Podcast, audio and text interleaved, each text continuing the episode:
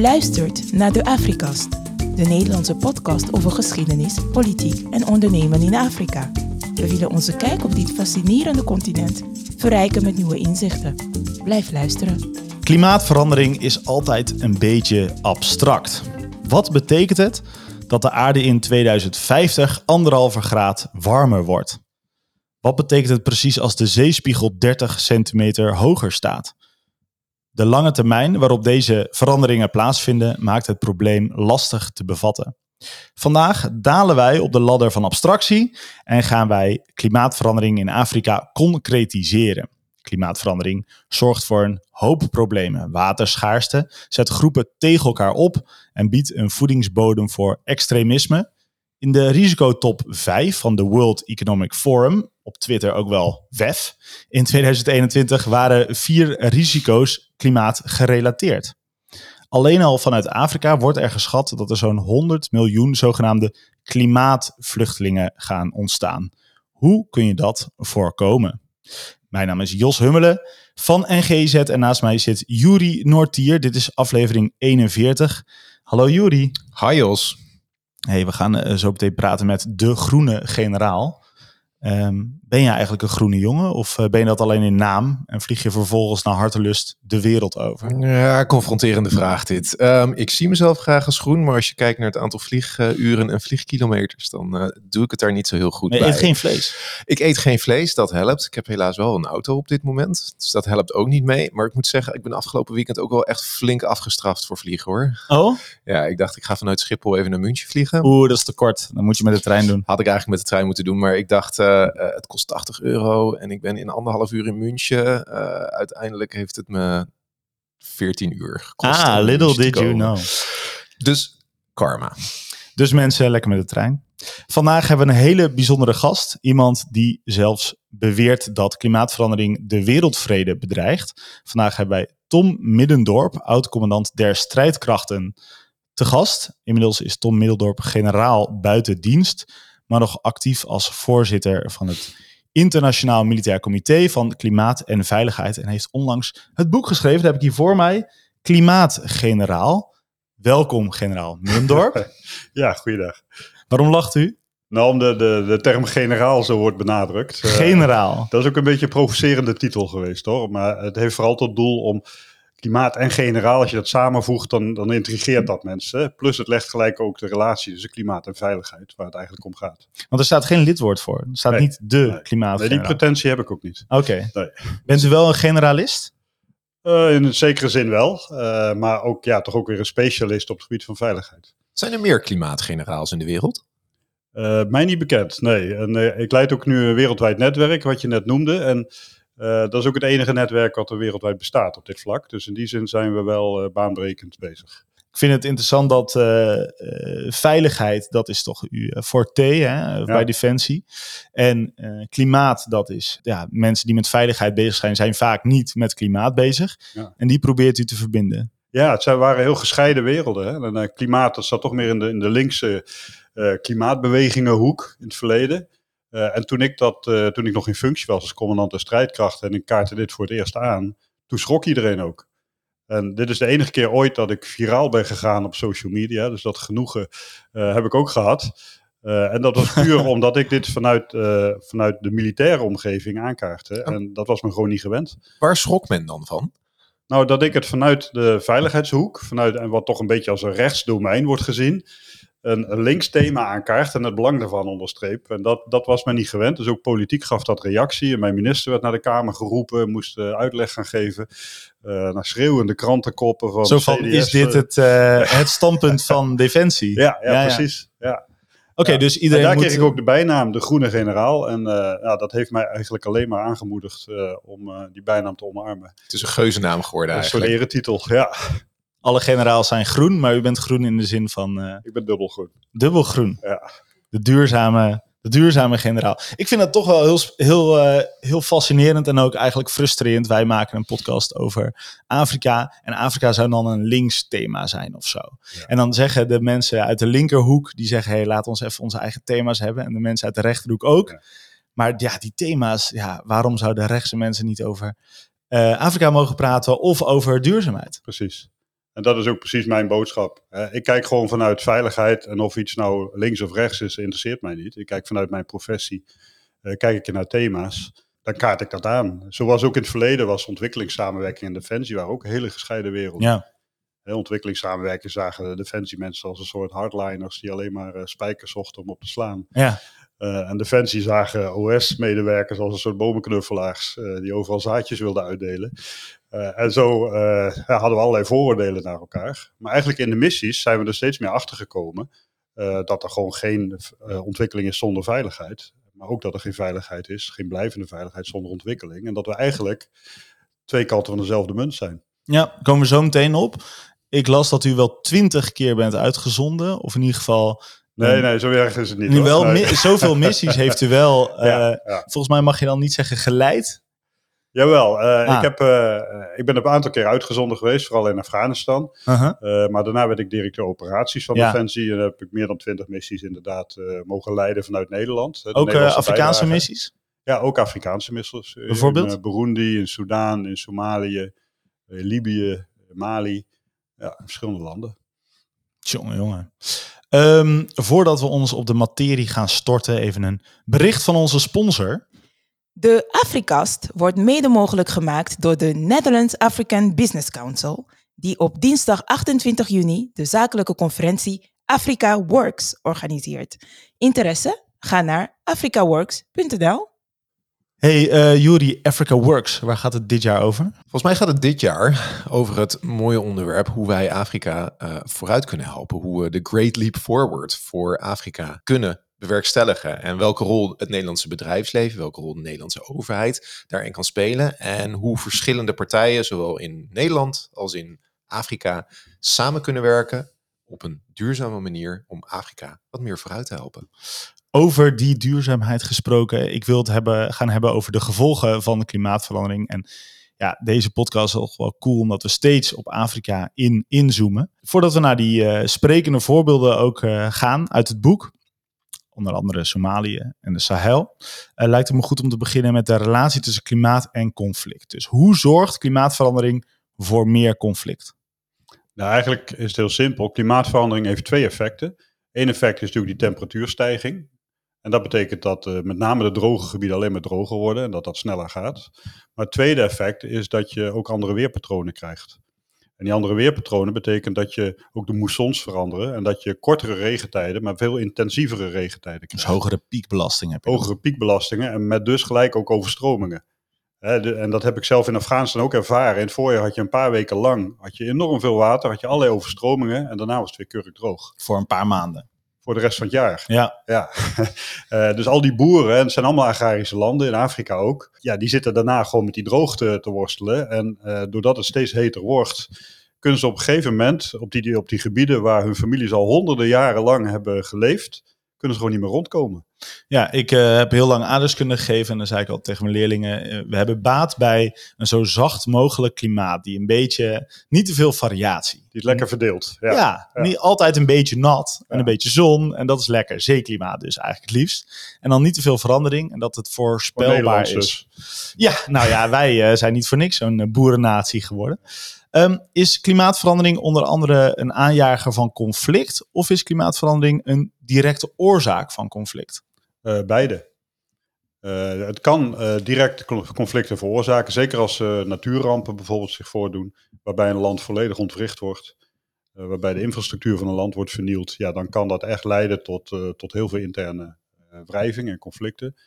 Maar het is vooral indirect een aanjager van conflicten, omdat uh, zeker in, in Afrika heb je natuurlijk heel veel landen die sowieso al heel kwetsbaar zijn. Hè, waar de overheidsstructuren niet zo sterk zijn, waar ook corruptie is, waar allerlei etnische tegenstellingen zijn. Mm-hmm. Uh, dus er zijn sowieso al heel veel ingrediënten die uh, het vrij makkelijk maken om naar een conflict af te glijden.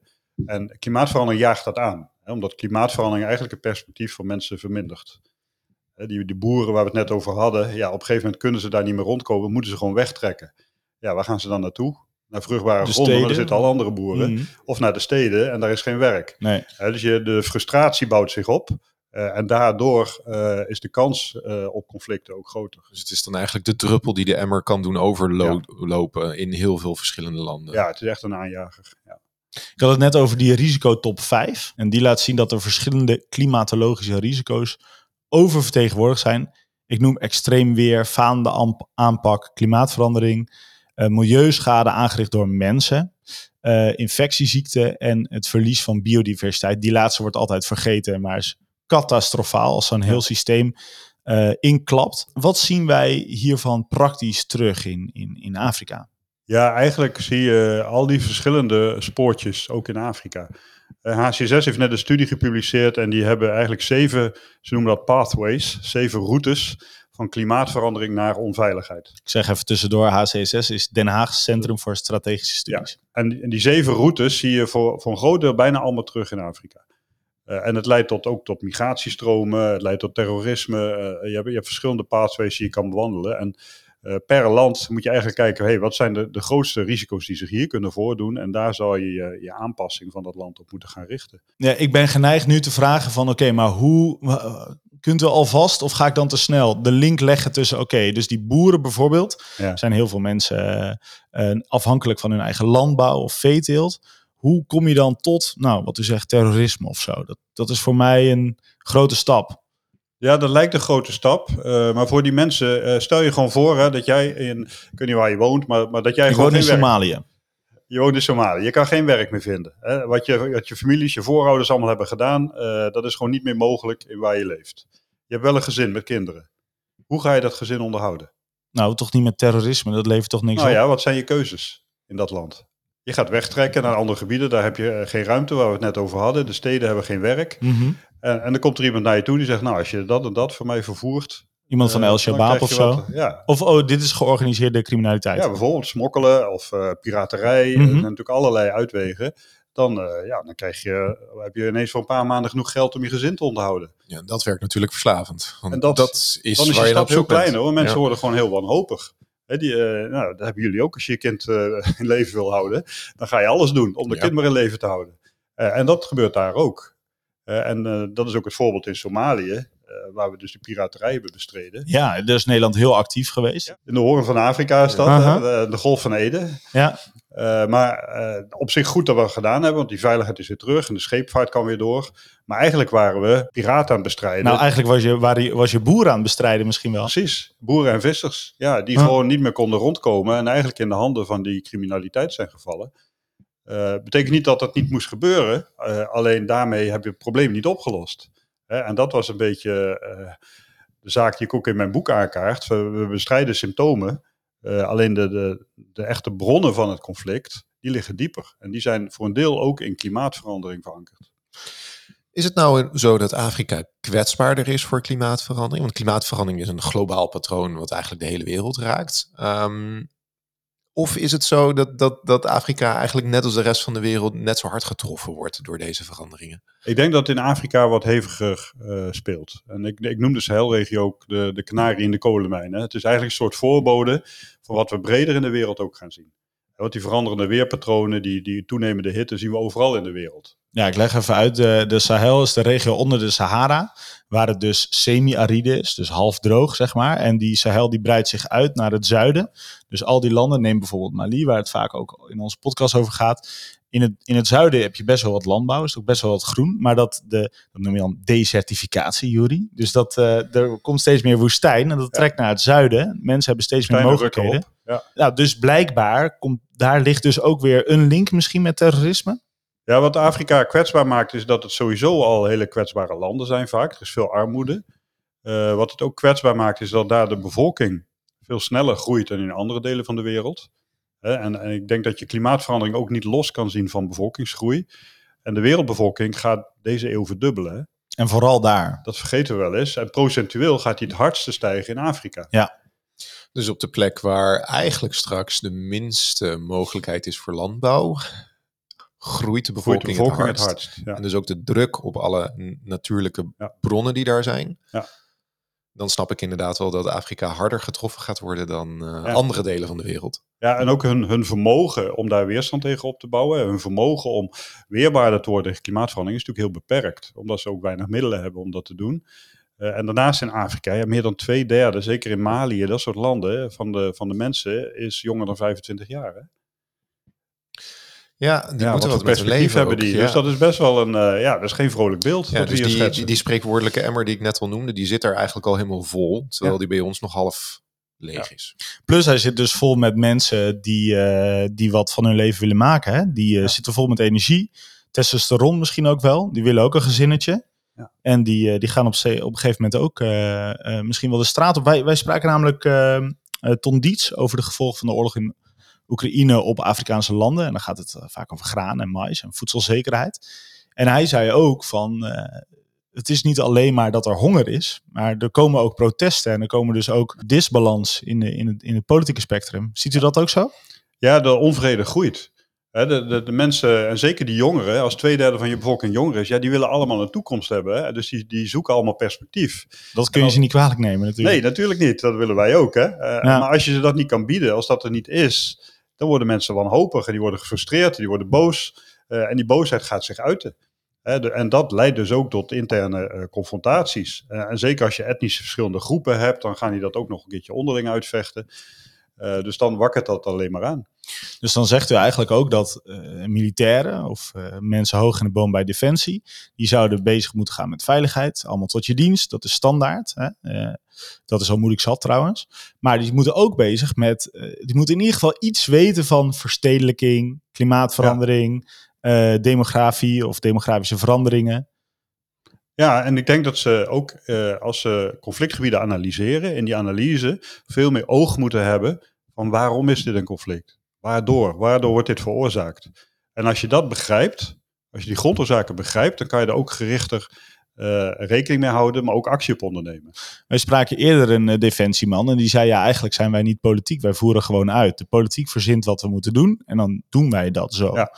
Ehm, is het eigenlijk niet een oproep aan de politiek om het iets integraler te benaderen? En Ja, maar dat vind ik ook wel een beetje makkelijk. Ja, natuurlijk, wij zijn een instrument in de handen van de politiek.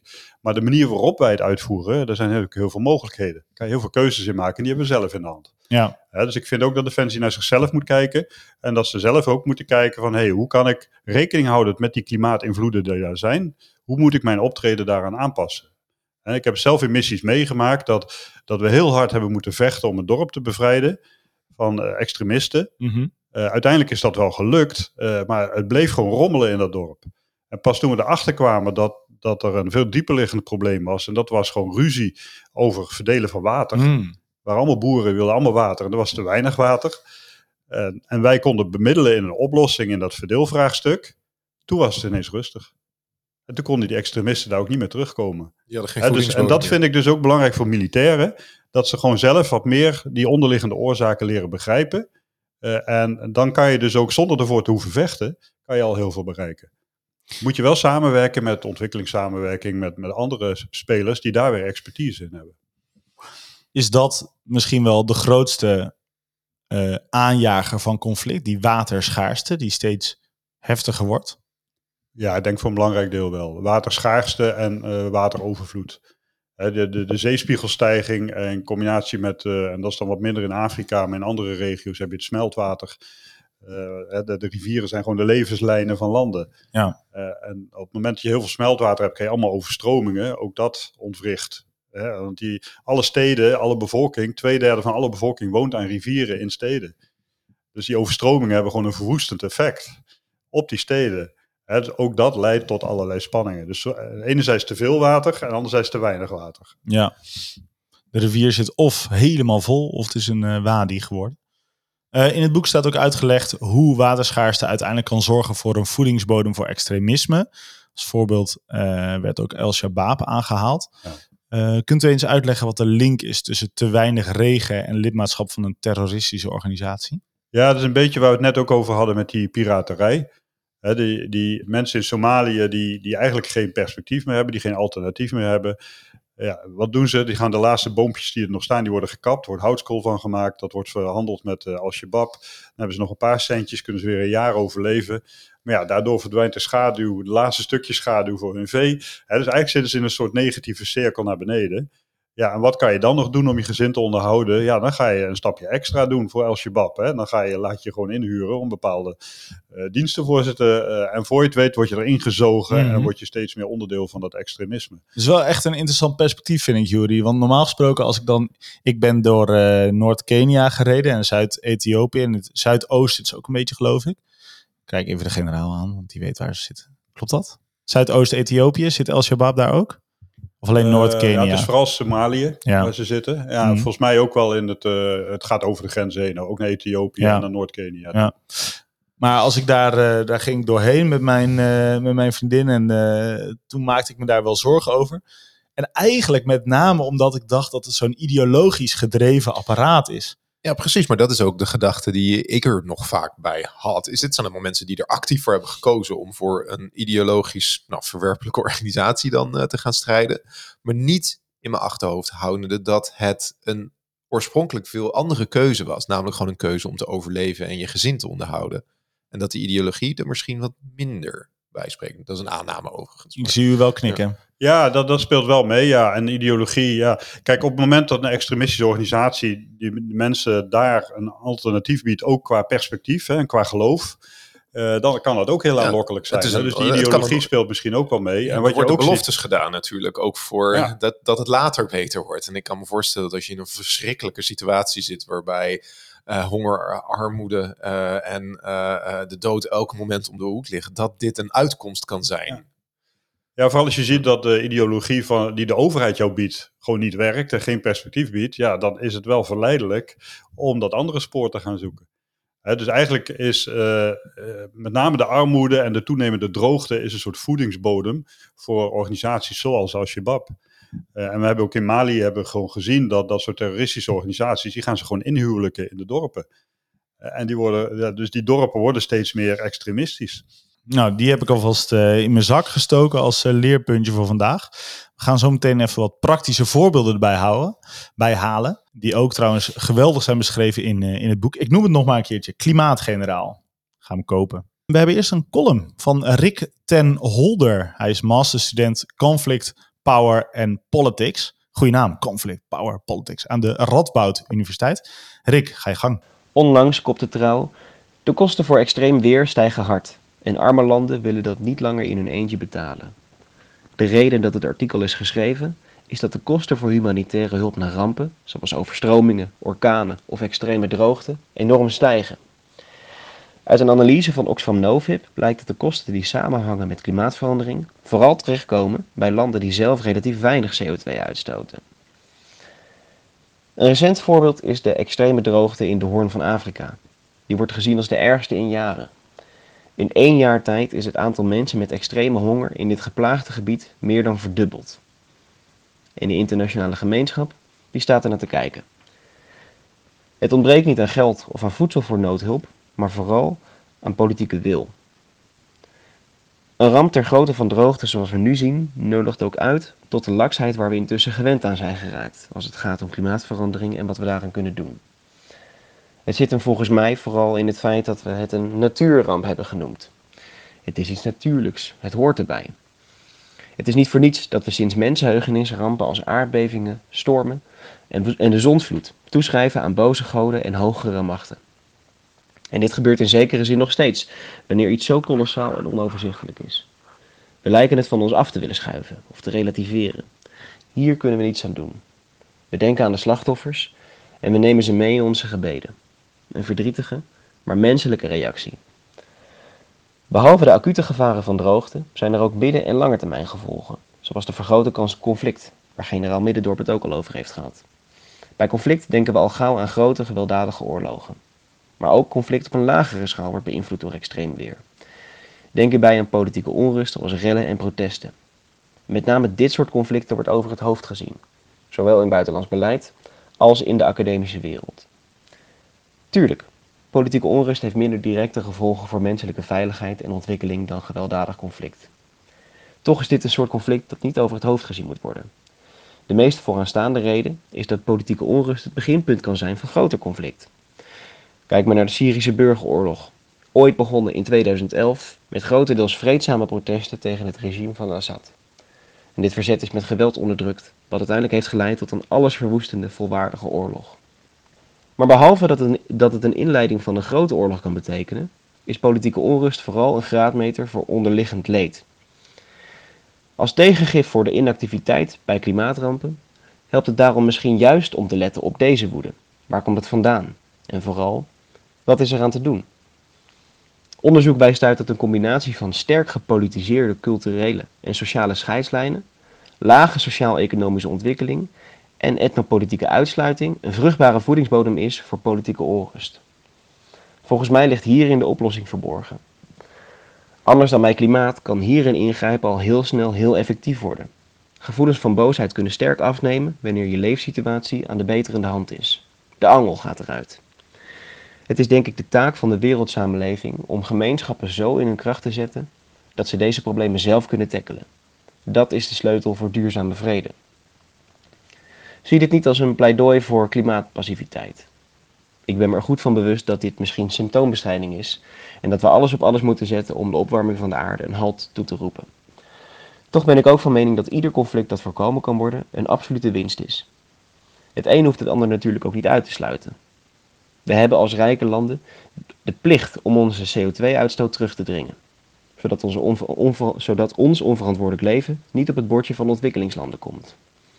Maar volgens mij hoort daar ook bij de leefsituatie van kwetsbaren verbeteren, ten einde conflict, op wat voor schaal dan ook, een halt toegeroepen kan worden. Ik ben benieuwd naar wat jullie ervan vinden.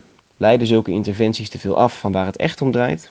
Of is het een overzichtelijke en politiek behapbaardere manier om conflict tegen te gaan? De vraag is voor u, denk ik, uh, meneer Middendorp. Ja, nou, ik denk dat je aan geen één militair hoeft uit te leggen dat voorkomen beter is dan genezen. Mm Want de militair is de eerste die de prijs betaalt als je moet ingrijpen. Uh, dus het is, ik vind het heel logisch en een terechte oproep dat we er alles aan moeten doen om te voorkomen dat het verergert. Dat betekent niet dat je het daarmee ook kan uitsluiten. dus je zal aan beide kanten zal je, je moeten voorbereiden. Uh, en we hebben natuurlijk net een vrij somber verhaal verteld over wat er allemaal mm. gebeurt in Afrika. En het is ook gewoon een heel indringend, uh, heel indringende ontwikkeling. Die gewoon enorme impact gaat hebben. Maar ik ben wel een eeuwige optimist. En ik geloof ook dat we er iets aan kunnen doen. En dat er iets aan doen zit enerzijds inderdaad in die CO2 terugdringen om te voorkomen dat het klimaat te veel verandert. Maar ondertussen zijn we al uh, tipping points aan het passeren. Hè? Mm -hmm. Dus voor een deel is het onomkeerbaar. Uh, en voor een deel zullen we dus met de gevolgen moeten leren leven. En dat vereist, uh, met een mooi woord, adaptatie. Mm -hmm. Wat is ook weer het verschil met mitigatie? Mitigatie is het terugdringen van de CO2-uitstoot. Dat is eigenlijk het voorkomen okay. van uh, het verder veranderen van het klimaat. En adaptatie is meer het weerbaar worden tegen uh, of omgaan, om kunnen gaan met de effecten van klimaatverandering. En je aanpassen. En dat aanpassen, uh, dat zal vooral in Afrika voor een belangrijk deel ook moeten gaan gebeuren. dus hoe kunnen we bijvoorbeeld voor gewassen zorgen die wat beter tegen die hitte bestendig zijn, die minder water nodig hebben. En, en, dus via landbouwlijnen op, op watergebied, hoe kunnen we het water beter vasthouden? Als het in kortere periodes meer water uit de lucht komt, kunnen we daar iets mee? kan je voorkomen dat dat allemaal wegvloeit en overstroomt? Uh, moet je bepaalde waterbekkens gaan creëren bijvoorbeeld? Mm -hmm. En zo, zo denk ik dat we veel meer uh, naar Afrika moeten gaan kijken met een bril van hoe kunnen we Afrika weerbaarder maken tegen deze effecten? Want daar heeft Nederland zelf belang bij. Alles wat daar nu wat daar fout gaat komen, zoals we net bespraken, heeft uitstralingseffecten naar Europa. Dat extremisme uit zich ook bij ons, die georganiseerde criminaliteit. Ja, dat is alle wapens, drugshandel, mensenhandel, komt ook allemaal bij ons op straat terecht. Uh, die instabiliteit rond Europa, daar gebeurt nu al het gros van onze missies. Ja, dat gaat alleen maar verergeren. Dus we hebben er gewoon belang bij dat dat stabiel blijft. Ook voor onze economie, ook voor ons bedrijfsleven is dat van belang.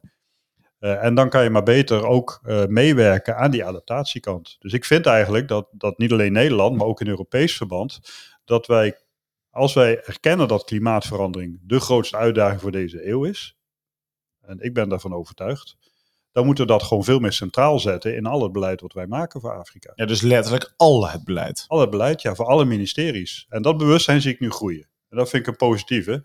Ik zat een paar weken geleden zat ik met uh, zes directeuren-generaals Mhm. mm -hmm. aan tafel van allerlei ministeries.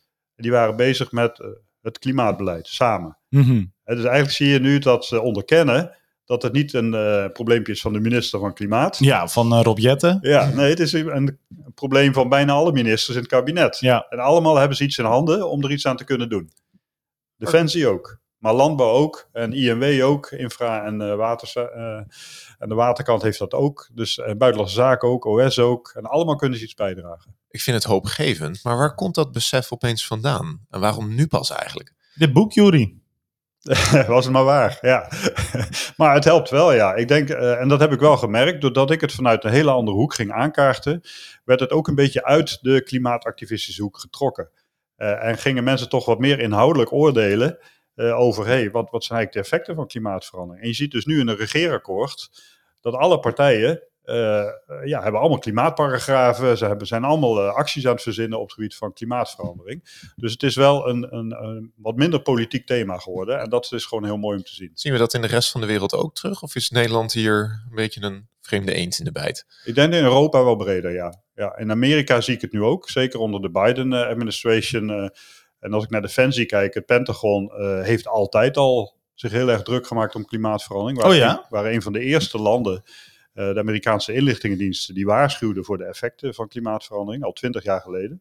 En toen begonnen ze trouwens ook over water wars. Dus die, die liepen eigenlijk al ver vooruit op ons. En uh, nu begint Europa ook wakker te worden. En nu, nu zie je dat ook de defensies in Europa, met name de westerse defensies, ja, die beginnen nu toch wel na te denken van wat kunnen wij eraan bijdragen. Ik licht mezelf nog even toe, want ik, ik roep wat, maar dat, misschien weet niet iedereen wat het is. Water Wars gaat dus eigenlijk over de voorspelling van het Pentagon, wat het, uh, wat het ministerie van Defensie eigenlijk is van Amerika, dat, die grote hexagon. Uh, die zeiden de volgende oorlogen die gaan niet over olie, hè, uh, op toegang tot olie en het verschepen van olie en het uit de grond krijgen van olie, maar over water, toegang tot water, uh, bovenstrooms versus benedenstrooms. Daar hebben we trouwens ook een keertje over Klopt. gehad. Maar ook om, om uh, uh, landbouw te kunnen doen. Zo simpel. Ja. Ja. We, hebben het, we, hebben het, we zijn een paar landen langs geweest. Ik vind dat altijd, ja, dan wordt het wat tastbaarder. We zijn even in Somalië geweest. We hebben het gehad over iemand die, die, die dan maar voor El Shabaab gaat. Of dan maar in die piraterij gaat werken eigenlijk. Gewoon om ook brood op de plank te krijgen. We hebben het kort even over nog Mali gehad. Wilt u nog iets over Mali toevoegen? Hebben we dat scherp genoeg geschetst? Ja, in Mali speelt natuurlijk ook het grote verschil tussen Noord en Zuid. Je hebt het zelf al even aangekaart. Het zuiden is natuurlijk een stuk groener. Uh, daar uh, zit ook een, een, etnisch andere bevolking. Zit er wat meer donkerkleurige bevolking. In het noorden zitten Tuareg-stammen, zijn meer nomadenstammen. Uh, en traditioneel bedrijven die gewoon handel. Uh, en handel is gewoon het vervoeren van goederen. Maar ja, tegenwoordig het vervoeren van goederen kunnen ook wapens zijn, kunnen ook Mhm. mensen zijn, uh, et cetera. Dus handel dat wordt een wat, beetje afgekneld. is een wat breder begrip geworden. Ja. Uh, en, uh, maar die trokken altijd door die hele regio, door die Sahelregio, Ja. trokken die rond. En eigenlijk door de toenemende droogte wordt dat steeds lastiger. En ze krijgen vanuit het zuiden, waar de regering zit, waar ook het geld zit, krijgen ze gewoon relatief, voor hun eigen gevoel in ieder geval, heel weinig aandacht. Er wordt er weinig aan hun gedacht. Dus dat heeft geleid tot heel veel onvrede in het noorden. Uh, en daar zijn extremistische organisaties, die zijn daar uh, gebruik van gaan maken. Uh, en die konden er ook gebruik van maken door wat er in Libië was gebeurd, waar heel veel wapens zijn vrijgekomen. Dus die regio is overspoeld met, met wapens. Daar, er zijn weinig grenzen daar. En dus dat kan allemaal vrij bewegen. En die combinatie betekende dat het extremisme zich steeds meer gebruik ging maken van de onvrede in die Tuareg-stammen. Uh, en ze eigenlijk ging opzetten tegen die regering die niks voor ze deed. Uh, ondertussen dat inhuwelijken gebeurde daar ook. En zo werden ze steeds verder geïnfiltreerd eigenlijk door dat extremisme. Wat bedoelt u met dat inhuwelijken? Dat er zo'n terroristische organisatie in zo'n dorp eigenlijk. Ja, die gaan gewoon met die dochters trouwen. En, Oh, letterlijk. Uh, ja, letterlijk. gaan letterlijk trouwen. Die gaan daar wonen en uh, ja, dat dorp uh, gaat langzamerhand, uh, wordt dat gewoon meer extremistisch. Mali, uh, u raakte net al even aan Libië. Dat is overigens ook een situatie die wij als Westelingen daar uh, hebben behoorlijk in de pot zitten roeren, waardoor het zo uit de hand is gelopen slash loopt nog altijd. Ik uh, ben onlangs iemand tegengekomen in, uh, in Gambia. En die heeft daar in, in een cel gezeten, omdat hij over land vluchtte. Die is uiteindelijk teruggestuurd. Kunt u dat nog even toelichten? Want Libië ligt aan de Middellandse Zee. Heeft ook een heel droog gebied. Is dat conflict in Libië, heeft dat ook iets te maken met klimaatverandering? Ja, Libië hoor, hoor je en zie je nu relatief weinig van. Mm -hmm. hè? Maar het was natuurlijk onder Gaddafi een uh, dictatuur. Uh, dus in die zin uh, is er wel een einde gemaakt aan die dictatuur. Maar het, het heeft wel geleid tot een, een, land wat intern verlamd is. Hè? En waar, waar je dus ook weer allerlei fracties, en, fracties hebt ja. die, die ook tegen elkaar zijn. Hè? Dus het land is heel lastig te verenigen. Maar klimaatverandering speelt dat een rol? Uh, indirect wel, denk ik. Ja, ook daar hebben ze natuurlijk te kampen met, met die droogte, met diezelfde droogte uh, waar andere landen mee te kampen hebben. Wat ook daar het economisch perspectief uh, beperkt. ze hebben natuurlijk wel meer olieinkomsten en olievelden. dus in die zin hebben ze nog wel een economisch alternatief. maar op de langere termijn, zeker als je naar de energietransitie gaat kijken, wij worden energie onafhankelijker. In Europa, ja, dan zijn die olievelden ook steeds minder waard. dus dat is dan weer een soort negatief effect van energietransitie. Het heeft heel veel positieve effecten, maar het heeft ook het effect dat de OPEC-landen en Rusland en Libië en Venezuela, dat soort landen, dat die ineens een belangrijke bron van inkomsten kwijtraken. Dat heeft natuurlijk ook weer een destabiliserend effect ja, daar. Dat ja. onmiddellijk heeft dat een uh, heel grote impact op hun economie. Uh, we kijken nu best wel veel naar landen rond de Sahara, zoals Libië of de Sahel, zoals uh, Mali. Uh, zijn er ook landen in de wat nattere uh, tropische gebieden, zoals, uh, nou misschien overspeel ik mijn hand hier, maar Centraal-Afrikaanse Republiek, CAF, of Congo, Burundi misschien wel, zijn daar ook juist ook, zijn daar grote uitdagingen als het gaat over klimaat en wat dus leidt tot uitdagingen in de veiligheid? Ja, ik denk dat je in heel veel Afrikaanse landen datzelfde effect ziet. Hè? Dat de, de drogere periodes droger worden en de nattere periodes natter. Uh, en zeker in landen die sowieso al natter zijn, uh, heeft dat gelijk een grootschalig effect. Hè? Want dan heb je gelijk met grote overstromingen te maken. Uh, maar je ziet ook in Mozambique bijvoorbeeld en, ja. en, dat soort landen dat die ook enorme last dat hebben. is ook zo, ja. Daar zag ik laatst van die beelden van, vanuit een helikopter. En dan uh, echt eindeloze vlaktes ondergelopen. En dat waren ze in, in geen decennia meer gewend, dat er zoveel water plotsklaps ja. uit de hemel kwam. Maar tegelijkertijd hebben ze ook heel veel last van de droogtes. Hè? Dus, dus je hebt eventjes heel veel water, maar, maar daarna is het land gewoon weer ja, bijna onbewoonbaar. En uh, kan en, je als boer daar nou nauwelijks iets verbouwen. En ook weer de opmars van terrorisme in Mozambique is uh, bijna onstuitbaar. Is dat ook weer die link? Ja, dat zie je eigenlijk overal wel gebeuren. Dat uh, dat soort organisaties, maar ook, ook lokale powerbrokers, die maken gewoon misbruik van de onvrede die er onder die bevolking is. En bouwen daarmee hun macht op. Uh, en ja, extremisten doen dat ook. Ja, want die gingen ook echt langs dorpjes, moordend en plunderend. Uh, en op die manier voor zichzelf ja, opkomen. Dat hebben we in het verleden natuurlijk wel vaker gezien in Afrika. Als de vlam erin slaat, dan slaat hij er ook goed in. Hè? En dan zie je gewoon massaal echt verminkingen, armen die worden afgehakt. En, uh, en dat vind ik wel, het is een enorm vriendelijk volk. Ik ben een aantal keer geweest en daar kunnen we echt wel van leren. In Mozambique? Nou, überhaupt in Afrika ja. vind ik dat. Uh, en uh, heel gastvrij altijd, heel extrovert en, en vrolijk. En ondanks de, dat ze nauwelijks iets hebben vaak, mm -hmm. daar kunnen we echt wel wat van leren. Uh, maar, maar het kan ook ineens omslaan. En dat vind ik wel een beetje het gevaarlijke aan veel van die landen. Uh, hoe extreem het dan gelijk ook omslaat. Ja. Zijn er landen waar u zich nu zorgen om maakt? Ja, ik denk dat is vooral die de Sahelregio waar we het net over hadden.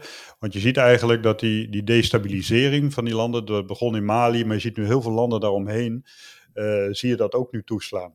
en zie je ook dat extremisme steeds meer grond aan, voet aan de grond krijgen.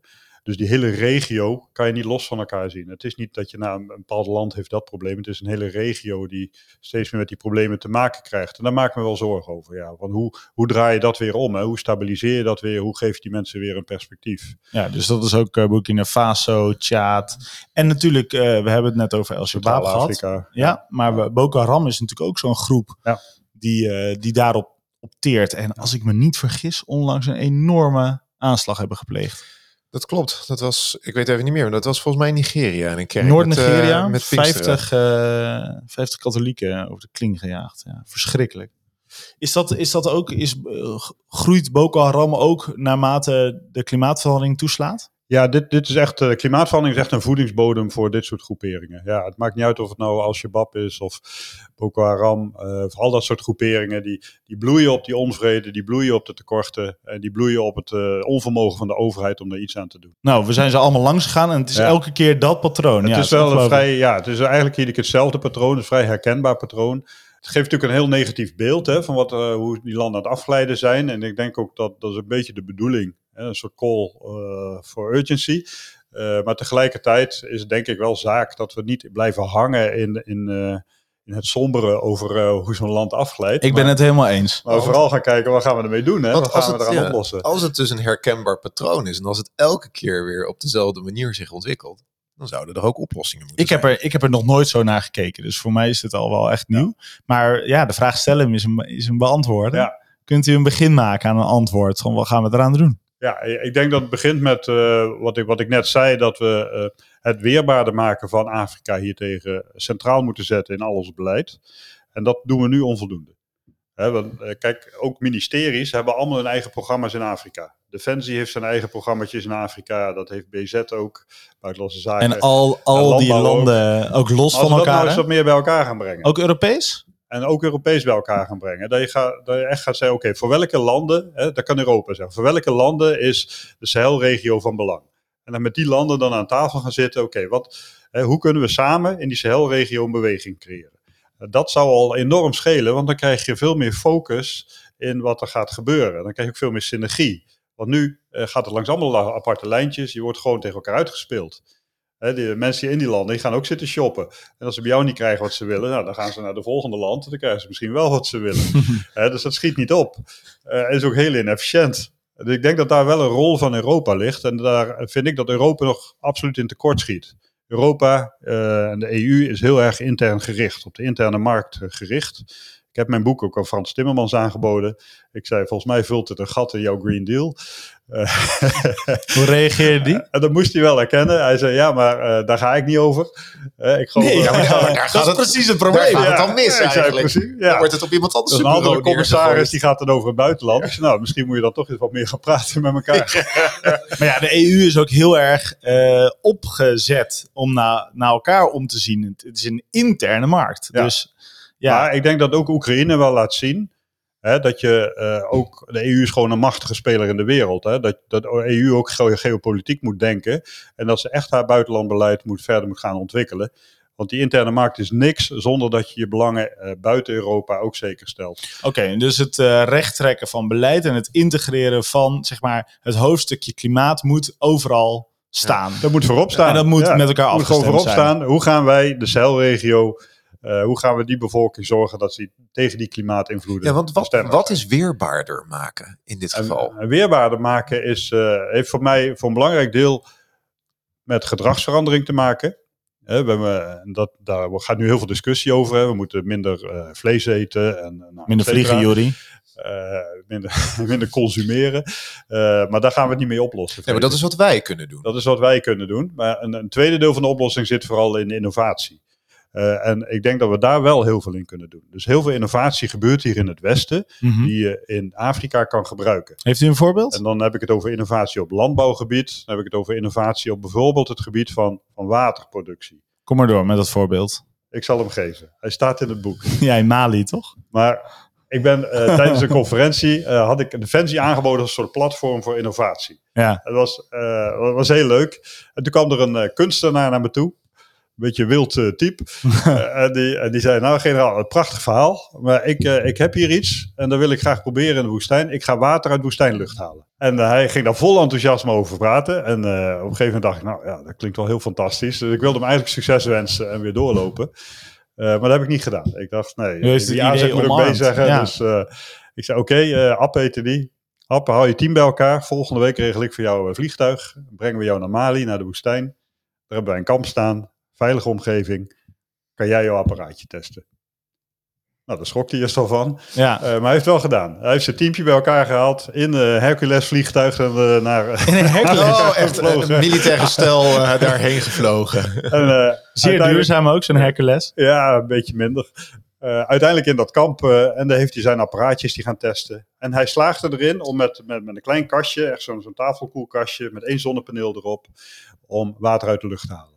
Uit woest, bijna uit woestijnlucht. Maar één glas per dag. Oké, okay, dus, maar opschalen is dan, uh, dan heb je het in ieder geval het begin gemaakt. Ja, en het unieke was dat hij dat met heel weinig stroom deed. Ja, want er zijn, eh, ja, als je maar genoeg Mhm. stroom gebruikt, en dan zet je daar een grote koelkasten neer en dan Ja. condenseert het water wel. Net als dat je zeewater eh kunt ja. maar Ja, dat het kost kost vreselijk veel ja. energie. En, en zijn innovatie was dat je dat met heel weinig energie kon doen. En dat maakt zo, en met goedkope technologie.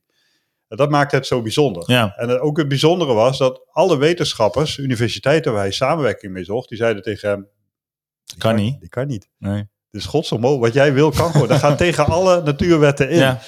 Is wetenschappelijk onmogelijk. Maar Moet Ab je niet zei, doen. ik ga naar Mali. Toen die dokie. zei, "Di- dikke Mick, ik ga dit gewoon proberen. Is- Ik wil dit, ik geloof hierin, ik ga dit doen. Is het inmiddels meer dan een glas water? En ook financiers zeiden dat. Hè. Die zeiden ook van ja, heeft geen levensvatbaarheid, daar gaan wij geen geld in stoppen. Mm. Hij heeft dat helemaal op ei- uit zijn eigen zak betaald. Is hij daar tien jaar lang mee, eh, mee bezig geweest. Eh, nou, hij slaagde dus om dat glas eruit te halen. Defensie is hem wel blijven helpen.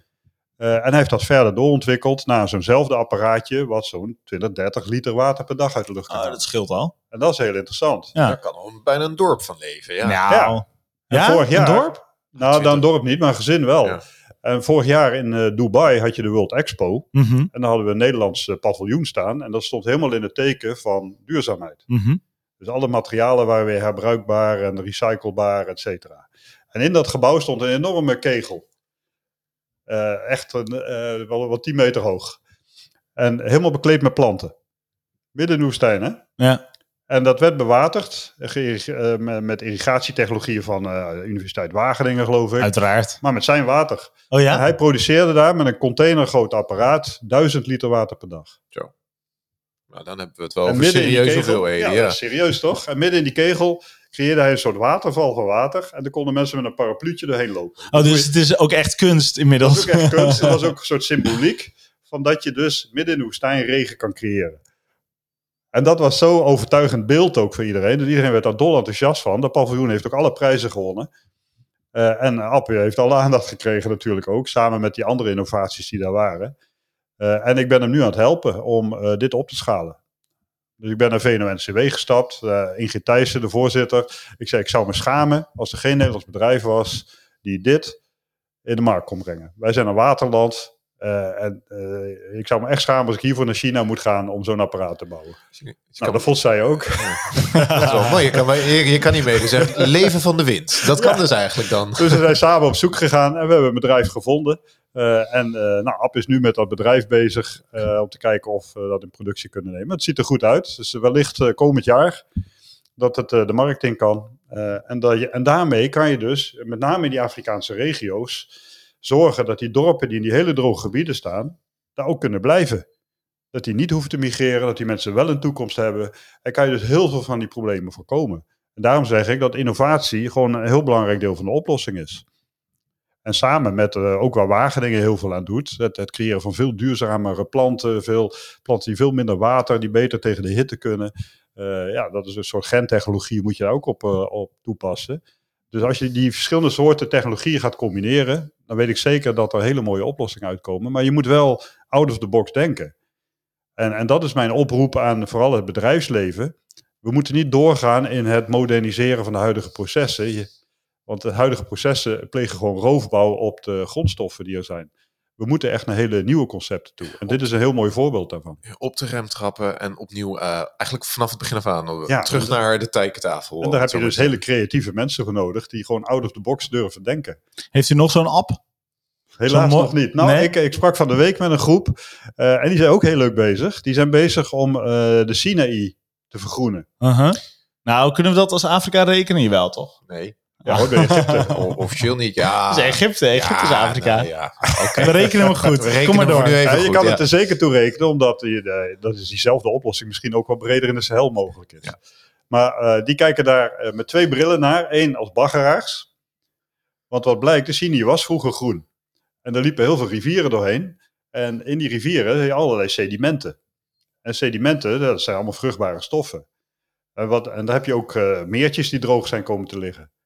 Het is wel heel En lang geleden dat het groen was. Want eh, Mozes. Mozes liep zelfs door de woestijn, 40 jaar. ja, maar het zit er wel. En ze hebben dat opge, eh, opgegraven. En dat zijn ze gaan onderzoeken. Ook eh, Wageningen is er ook bij betrokken geweest. Uiteraard. En dat, dat bleek gewoon echt heel vruchtbare grond te zijn. Oh ja? Dus wat zij willen doen, is gewoon miljoenen kubus van die vruchtbare grond opbaggeren. Daar het gebied vruchtbaarder mee maken. Water aanvoeren. Dus ze hebben zich gekoppeld aan een, een tweede foundation die in Groenland bezig is om grote waterbekkens te creëren voor smeltwater. En dat met uh, uh, overtollige tankers te vervoeren naar dat gebied toe. Uh, en dan daar weer een nieuw groen gebied te creëren. En het tweede bril waar ze naar kijken is meer een klimatologische bril. Want vroeger liepen de weerspatronen anders. Omdat het groen was, kreeg je andere verdampingen, kreeg je ook andere windstromingen. Uh, en kreeg je ook regenval in dat gebied. Dus ze willen het eigenlijk dat gebied eerst weer groen maken met geïmporteerd water. En als het groen is, verwachten ze dat die weerspatronen weer gaan veranderen. En dat het gebied zichzelf groen kan blijven houden. Dit, dit is terraforming. Dit, ja. Dit, ja. ja, maar hier ga je eigenlijk op een heel natuurlijke wijze ga je, ga je, het, ga je een gebied regenereren zoals het vroeger was. Mm -hmm. Hè? En, en ja, dat laat dus zien dat het ook kon. En dan moet het nu ook kunnen. Met, dus, de, met de hoop dat vervolgens uh, dat eigenlijk een kickstart is om ervoor te zorgen dat het proces daarna op een natuurlijke wijze ja. gewoon weer doorgaat. Ja, ja. En dus hier zijn heel veel instituten aan uh, uh, bij betrokken. en eigenlijk is er nog geen één instituut die zegt van nou, dit zal ons niet kunnen lukken. Hè, dus het ziet er best wel positief uit. De Egyptische overheid is helemaal enthousiast tot en met de hoogste niveau. Die willen dit graag. Volgend jaar is de klimaattop in Egypte. Dan willen ze eigenlijk al uh, de eerste spades in de grond hebben. Dus uh, ja, dat vind ik ook wel een heel hoopvol... Uh, ja, u begint van te glimmen. Dit geeft ja. energie, dit geeft hoop inderdaad. En zo heb je ook NGO's zoals Just Dig It en zo, hè, die, die bezig zijn om, om gewoon waterbekkens te creëren. Uh, waar die het water vasthouden, waardoor weer een soort groene omgeving ontstaat. En als je maar genoeg van die kuilen graaft, uh, die vollopen, ja, ook dan krijg je een groene omgeving. En zo zijn er heel veel van dat soort initiatieven, die denk ik kunnen helpen om weer naar de oplossingenkant te komen. Ook aan de energiekant. Jij zegt net, uh, Juri, dat geeft energie. Uh, maar uh, dit is vergroening, letterlijk soms, van de omgeving. Ja. Zit er aan de energiekant ook Ja, dit soort energie is juist het makkelijkste in Afrika. Vertel. Ja, we hebben natuurlijk, Afrika heeft de voor, het voordeel dat ze geen legacy hebben. Hè? Dus ze hebben geen oude, wij hebben enorme olie- en gasinfrastructuur. Voor miljarden en miljarden ligt er hier in de grond. Daar hebben zij weinig last van. dus zij kunnen in feite bijna in één keer stappen naar, naar de elektrificatie naar groene energies vormen toe. En dat hebben ze met de telefoons ook gedaan. Ja.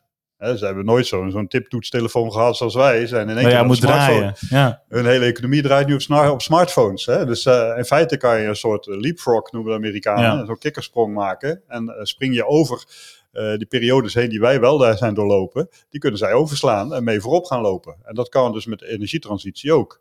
Want het voordeel van Afrika is natuurlijk dat er heel veel zon is. En er is heel veel wind. He, dus je kan heel makkelijk stroom opwekken. Je kan heel makkelijk dorpen uh, van energie voorzien en daar helemaal zelfvoorzienend in maken. Dus uh, energie is nog het minste probleem, denk ik. Dus energie heeft heel veel potentie, kan zelfs een exportproduct worden. He, wij hebben best wel moeite om hier al die molens te praten, maar ja, waarom gaan we niet alle waterstof daar produceren? En maar leg je een paar pijpleidingen aan en je vervoert het naar Europa. Nu had het net over uh, dat die steden steeds groter worden, verstedelijking. Um, zijn er ook manieren om mensen op het platteland te houden? Om mogelijkheden, we hebben het net wel over water gehad, maar denkt u ook aan zaadveredeling of dat soort dingen? Ja, en dat, uh, eigenlijk zit dat hier aan vast. Hè? Op het moment dat je uh, die watervoorziening lokaal weer kan uh, organiseren, dat mm -hmm. die vergroening kan plaatsvinden, dat mensen weer landbouw kunnen bedrijven, ja, dan gaan ze niet naar de steden. Sterker nog, dan gaan ze misschien weer terug naar hun familiegronden. Maar, maar heeft u een concreet voorbeeld? Nee, nog niet. Nee, nee. Of, of bijvoorbeeld van die uh, uh, planten juist uh, zaaien die beter kunnen tegen grotere klimatologische verschillen?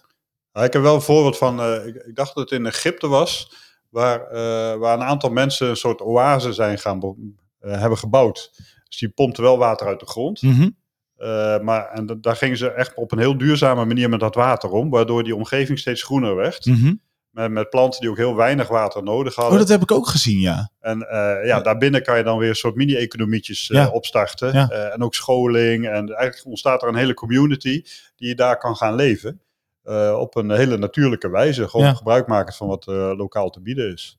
Ja, en het, wa- want we- bomen creëren uiteindelijk, als er, als er maar veel genoeg, eh, als er maar genoeg bomen zijn, dan creëren ze hun eigen regen en dan krijg je een soort klein ecosysteem. Microklimaat. Ja. en de vogels die gaan daar weer naartoe. En de grond die wordt vruchtbaarder. Hè, Dus je keer, in feite keer het proces dan om. Tot slot heb ik nog een vraag. Wat, wat is nou echt de meest hoopvolle ontwikkeling die wij in de gaten moeten houden als het gaat over praktische oplossingen die de gevolgen van klimaatverandering in Afrika draaglijk maken? Ja, er is geen silver bullet. Nee, die kan ik je, Je echt moet niet gewoon geven. alles doen. Ja, je moet echt over de volle breedte. Ik ben nu verbonden aan het Global Center for Adaptation. Uh, en dat, dat is dat drijvende hoofdkantoor, hè, het grootste drijvende hoofdkantoor ter wereld. In Rotterdam ligt dat. Mhm. Uh, opgericht door Ban Ki-moon en Jong en wie nog meer? Bill Gates, geloof ik. Mhm. en die zijn nu bezig om, tijdens, ook tijdens de klimaattoppen, miljarden vanuit de industrielanden te verzamelen om met name in die adaptatieprogramma's te stoppen in Afrika. En dat is gewoon nodig. En ik denk dat die innovaties zoals uh, van, van App, hè, dat water uit de lucht halen in combinatie met dit soort initiatieven, ja, als je dat wat verder gaat opschalen, dat je al enorme slagen kan maken. En onderweg ga je vast en zeker weer uh, nieuwe dingen tegenkomen, nieuwe ideeën opdoen. Ik denk als ook het bedrijfsleven uh, ze, zich hierop gaat zetten, hier ook weer nieuwe businesskansen in zien. Want Afrika is een enorme markt. Dus als je die markt kan helpen om te verduurzamen, uh, dan kan je er ook nog geld aan verdienen. Daar is helemaal niks mis mee. Maar dan kan je dus je enorme innovatieve kracht, die ook het bedrijfsleven heeft, hiervoor gebruiken. En ik denk dat daar een belangrijk deel van de oplossing ligt. Dus aan de voorkant investeren om om te gaan met klimaatverandering en het ook tegen te gaan. Zodat je aan de achterkant niet schepen hoeft te beveiligen als die gewoon door richting het Suezkanaal gaan. Of terroristen moet bevechten in Mali. Ja, en die conflicten, ja, die kan je nooit allemaal vermijden. Dus die gaan toch wel komen. Maar hoe minder, hoe liever.